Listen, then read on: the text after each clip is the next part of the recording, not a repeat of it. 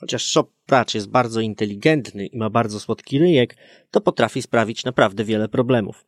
W dzisiejszym odcinku podcastu opowiem Wam o tym, czym jest pranie pieniędzy, jak się pierze pieniądze oraz co wspólnego ma kontrola GIF-u z pralnią chemiczną. Zapraszam! To jest podcast Legal Geek o fintechu i nie tylko. Ja nazywam się Tomasz Klecor i od ponad 12 lat buduję polski fintech. Jako prawnik doradzam przedsiębiorcom z tego obszaru, jak wdrażać regulacje, pomagam uzyskiwać licencje przed KNF, czy też szkolę moich klientów. Oprócz tego robię z tysiąc innych rzeczy. Między innymi jako mentor pomagam młodym przedsiębiorcom tworzyć jeszcze lepsze firmy, nie tracąc przy tym siebie. W moich żyłach płynie benzyna, a w sercu gra heavy metal, dlatego też jedziemy z tematem. Cześć. Witajcie w najnowszym odcinku mojego podcastu.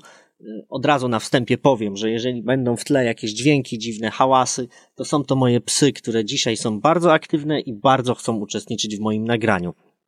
Także z góry za to przepraszam. Mam nadzieję, że część tych hałasów uda mi się usunąć w postprodukcji, ale nie zawsze będzie to możliwe. Dobra, przechodząc do tematu. Dzisiaj porozmawiamy sobie o tym, czym jest pranie pieniędzy i jak się pierze pieniądze.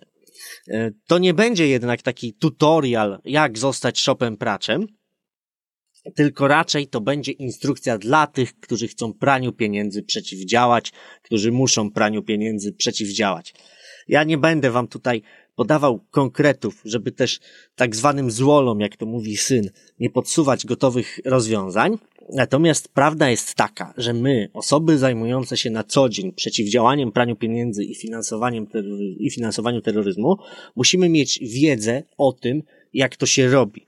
Musimy znać metody, którymi posługują się złole, żebyśmy mogli skutecznie tych złoli wykrywać, a potem, żeby odpowiednie organy mogły tych złoli łapać.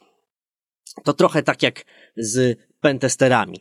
Oni muszą znać te sztuczki tego tak zwanego black hackingu, wiedzieć jak się włamywać do komputerów, do środowisk informatycznych, żeby temu przeciwdziałać. Więc my, jako osoby zajmujące się AML-em, również musimy mieć odpowiednią wiedzę. Zacznijmy od tego, czym jest samo pranie, czym jest pranie pieniędzy. Tutaj pranie pieniędzy jest bardzo często mylone z samym fraudem, z samym przestępstwem bazowym, na podstawie którego y, ktoś uzyskuje w sposób nielegalny, niezgodny z prawem jakąś korzyść majątkową, środki finansowe, pieniądze. Natomiast to nie jest oszustwo, samo pranie pieniędzy, to nie jest samo przestępstwo bazowe, natomiast pranie pieniędzy jest przestępstwem wynikowym.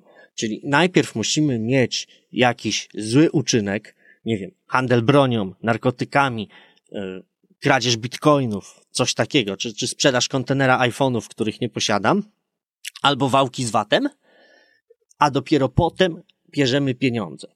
Pranie pieniędzy odbywa się po to, no właśnie, po co się pierze pieniądze? Pieniądze się pierze po to, żeby je wprowadzić do obrotu tak, aby one wyglądały na w miarę legalnie zarobione. Tak, żeby od nich odprowadzić podatki, to może się wydawać dziwne. Jak tu jakiś przestępca, jakiś złol, który robił wałki z VAT-em, chce jednak odprowadzać podatki? No zdarza się.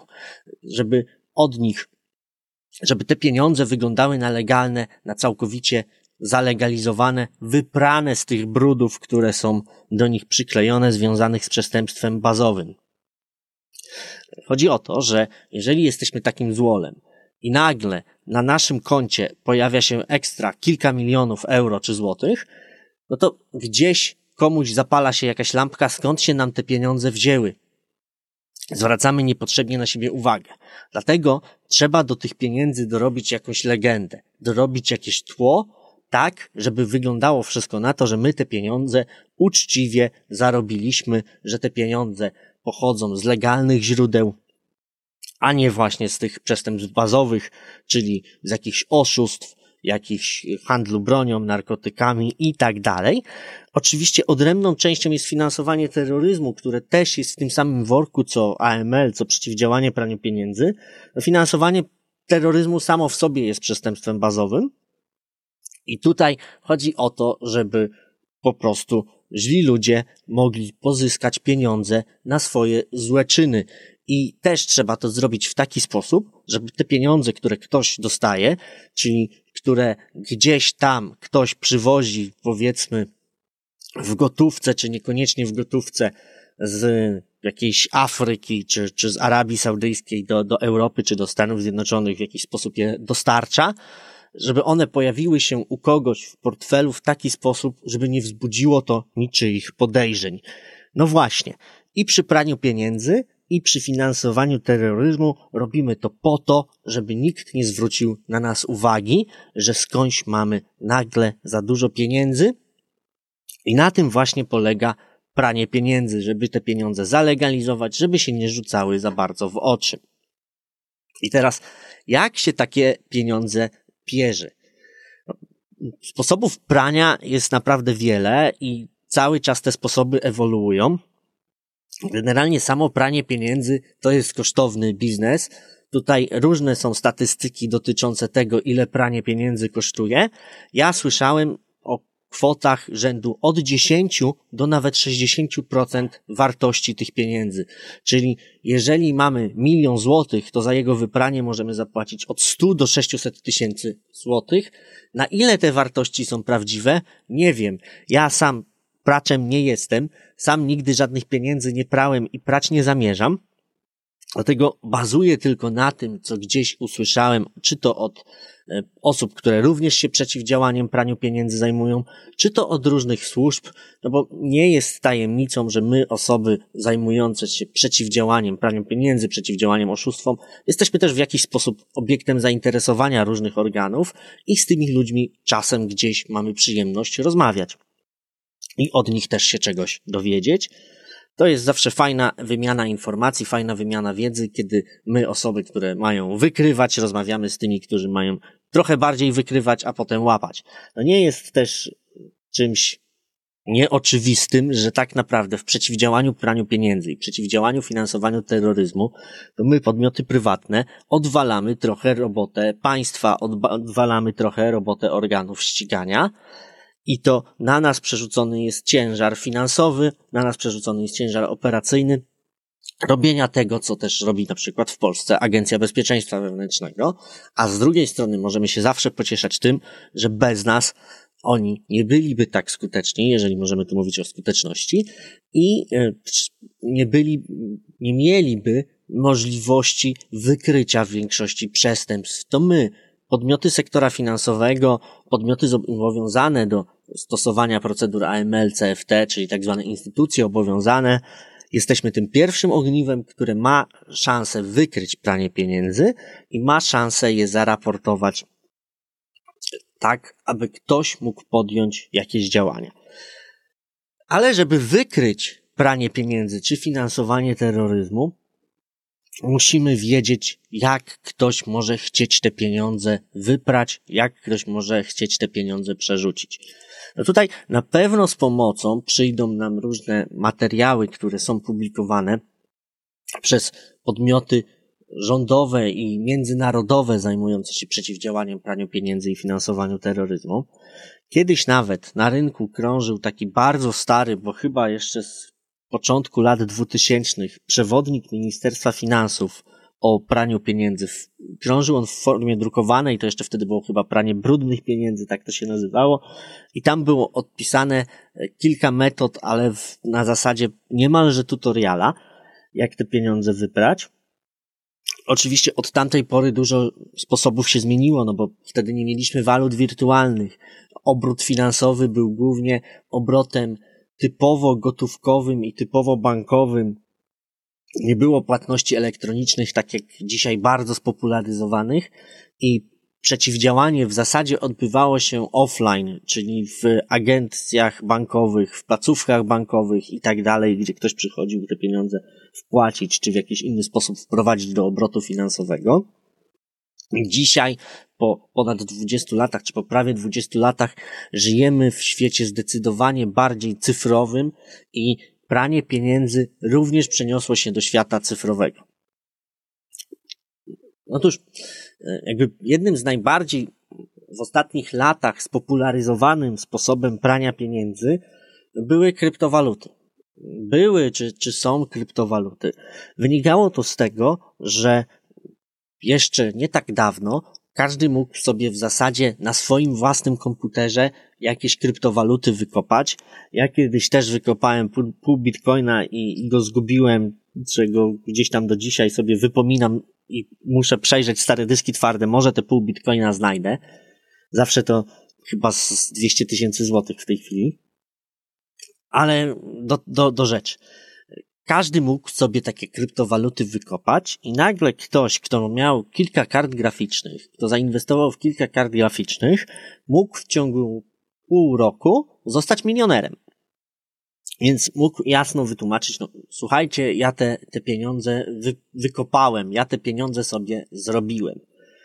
Innym sposobem są różnego rodzaju usługi, których tak naprawdę nie świadczymy, nie nabywamy, a które na papierze zostały dla nas wykonane i za które, znaczy, które na papierze my komuś wykonaliśmy i za które dostaliśmy pieniądze.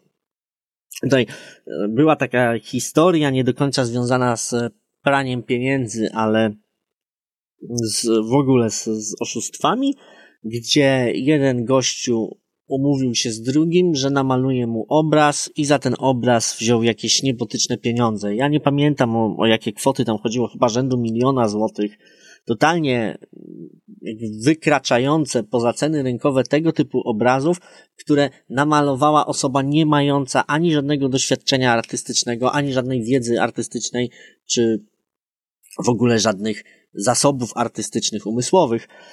To był jakiś zwykły pracownik E, fizyczny chyba, który nie interesował się sztuką, ale musiał zrobić jakiś przychód czy coś takiego.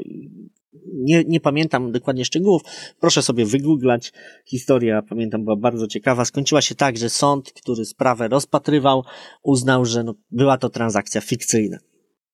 Czyli tutaj takie transakcje fikcyjne również służą przerzucaniu pieniędzy, żeby te pieniądze wyprać.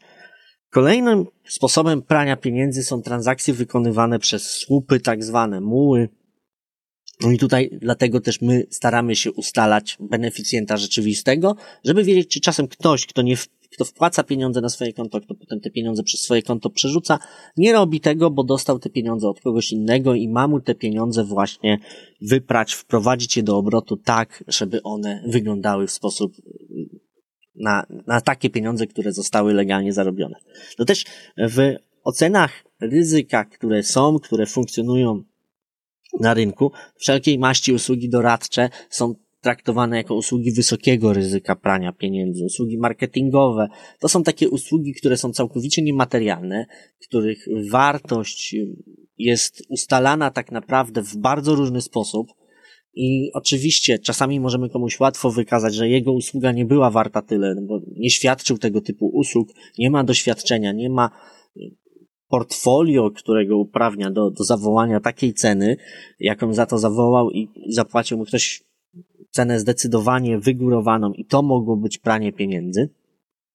Stąd też my analizując nasze transakcje, w zasadzie transakcje, które przeprowadzamy dla naszych klientów, monitorujemy między innymi wolumeny, żeby zobaczyć, czy nasz klient, który, nie wiem, sprzedawał swoje usługi doradcze za 20 tysięcy miesięcznie, nagle w ciągu miesiąca nie sprzedał ich za 2 miliony. Oczywiście mógł sprzedać te usługi za 2 miliony, mógł nagle zakontraktować godziny na przyszłe lata czy, czy przyszłe miesiące, ale my to powinniśmy zbadać, już to powinno u nas zapalić jakąś lampkę. Kolejnym takim sposobem prania pieniędzy są różne miejsca, gdzie generalnie z natury przyjmuje się gotówkę. Tej gotówki ewidencjonuje się oczywiście tą gotówkę, ale się realizuje jakieś usługi, które, które łatwo mogły zostać niewykonane. W sensie ciężko jest wykazać ich e, wykonanie. Myślę, że taką usługą mogą być chociażby badania lekarskie, gdzie, gdzie można w ten sposób też przeprać pieniądze, no bo tak naprawdę nikt nie wykaże lekarzowi czy, czy psychoterapeucie ile on godzin sesji czy spotkań z klientami odbył, z pacjentami, e, a na kasę fiskalną nabić można wszystko, oczywiście, o ile taką kasę fiskalną ktoś ma. Więc tutaj to też jest sposób wprowadzenia tych środków do obrotu. My skupmy się jednak na tych środkach elektronicznych. E, takim obszarem, moim zdaniem, wysokiego ryzyka prania pieniędzy są wszelkiego rodzaju zbiórki, czy, czy wszelkiego rodzaju tak zwane donaty. Tam też może pojawić się trochę wyższe ryzyko prania pieniędzy i tam też należy przyłożyć większą uwagę do tego, jak my te transakcje monitorujemy. Jak sprawdzamy naszych klientów, jak ich weryfikujemy i tak dalej, i tak dalej. No właśnie, weryfikujemy klientów. W jednym z następnych odcinków na pewno powiem o tym, czym różni się identyfikacja klienta od jego weryfikacji. Także podsumowując nasz dzisiejszy odcinek, podsumowując to, czym jest pranie pieniędzy i na czym polega, no to pranie pieniędzy jest przestępstwem wtórnym, następującym po przestępstwie bazowym, a polega na tym, że ktoś te pieniądze uzyskane z przestępstwa bazowego chce zale zalegalizować. Mówiąc obrazowo, proszę sobie wyobrazić, że jestem złolem i jako złol włamuję się na przykład na czyjeś konto na giełdzie kryptowalutowej, do czyjegoś komputera, gdzie ma portfel kryptowalutowy, wyprowadzam mu tam trzy bitcoiny. No i muszę jakoś te bitcoiny zalegalizować, bo jestem biedny jak mysz kościelna i w ogóle nie mam żadnych środków. Muszę jakoś te pieniądze, które wpłyną na moje konto, bo, bo będą musiały jakoś wpłynąć, jeżeli to będą waluty wirtualne, czy to w formie w innej waluty wirtualnej i tu znowu jakaś organizacja, która prowadzi dla mnie portfel, ma obowiązek zweryfikowania tej transakcji, badania źródła pochodzenia środków, czy to jeżeli zamienię te bitcoiny na fiaty, wpłyną na mój rachunek bankowy, gdzieś ktoś musi je wysłać, gdzieś one do mnie trafią, ja będę coś chciał z nimi zrobić i ktoś będzie badał skąd mam te środki i tak dalej. Będę chciał, żeby te środki wyglądały na legalne. W związku z tym muszę wymyślić coś, żeby takie środki zalegalizować. Też jeszcze dodam na koniec, że pranie pieniędzy rzadko dotyczy transakcji niskokwotowych. Tutaj pranie pieniędzy na transakcjach niskokwotowych się raczej nie opłaca, ale to nie jest dla nas jakaś szczególna okoliczność łagodząca, chociaż pamiętajmy, że prawodawca, zarówno europejski, jak i prawodawca krajowy, przewidzieli dla transakcji okazjonalnych przede wszystkim e, ten limit kwotowy, różne limity kwotowe, i tutaj mamy transakcję okazjonalną, na przykład w postaci transferu środków pieniężnych no do 1000 euro, do równowartości 1000 euro. Ten AML, to, to przeciwdziałanie praniu pieniędzy, te, te obowiązki, które będziemy realizować, możemy realizować w trochę mniejszym stopniu, trochę mniej intensywnie, więc to też pokazuje, że pranie pieniędzy zaczyna się od kwot wyższych. Nie bez powodu mamy w innych usługach jeszcze wyższe limity, w innych rodzajach instytucji obowiązanych jeszcze wyższe limity. To też należy uwzględnić przy tym, jak, jak analizujemy transakcje, jak wprowadzamy nasz system AML. I na koniec już obiecałem w zapowiedzi informację, obiecałem w zapowiedzi e, informację, co ma wspólnego kontrola Generalnego Inspektora Informacji Finansowej z przeciwdziałaniem nie z przeciwdziałaniem, przepraszam, co ma wspólnego kontrola GIF-u z pralnią chemiczną? Otóż to jest taka anegdota z mojego życia i doświadczenia zawodowego, kiedy zadzwonił do mnie klient, że ma kontrolę z GIF-u. Ja mówię, no to dobrze, to, to tutaj przygotujemy dokumenty, zrobimy wszystko, co, co trzeba. Proszę o przesłanie mi tego pisma dotyczącego kontroli, zawiadomienia o kontroli. My to, co wszystko GIF chce, przeanalizujemy i, i będziemy to przygotowywać. Przygotujemy się do tej kontroli. A klient mówi, nie, nie, ja mam kontrolę z GIF-u już teraz. Oni już teraz tu u mnie są. I faktycznie ktoś gdzieś przegapił zawiadomienie chyba o kontroli, przegapił coś takiego, kontrola z GIF-u przyszła Wydawało jej się, że, że wszyscy na nich czekają, więc klient ubłagał ich, żeby przyszli dnia następnego. Ja natomiast wsiadłem w pociąg i, i pojechałem do Warszawy, do, do siedziby klienta. Po drodze zarezerwowałem sobie jakiś apartament na Airbnb, najbliżej w zasadzie jak się dało tej siedziby. No, przyjechałem do tego miejsca, odczytuję wiadomość z Airbnb, że mam odebrać klucze do tego apartamentu, do tego mieszkania w lokalu, który się znajduje w budynku obok pod takim adresem. Idę pod ten adres, patrzę, a tam jest pralnia.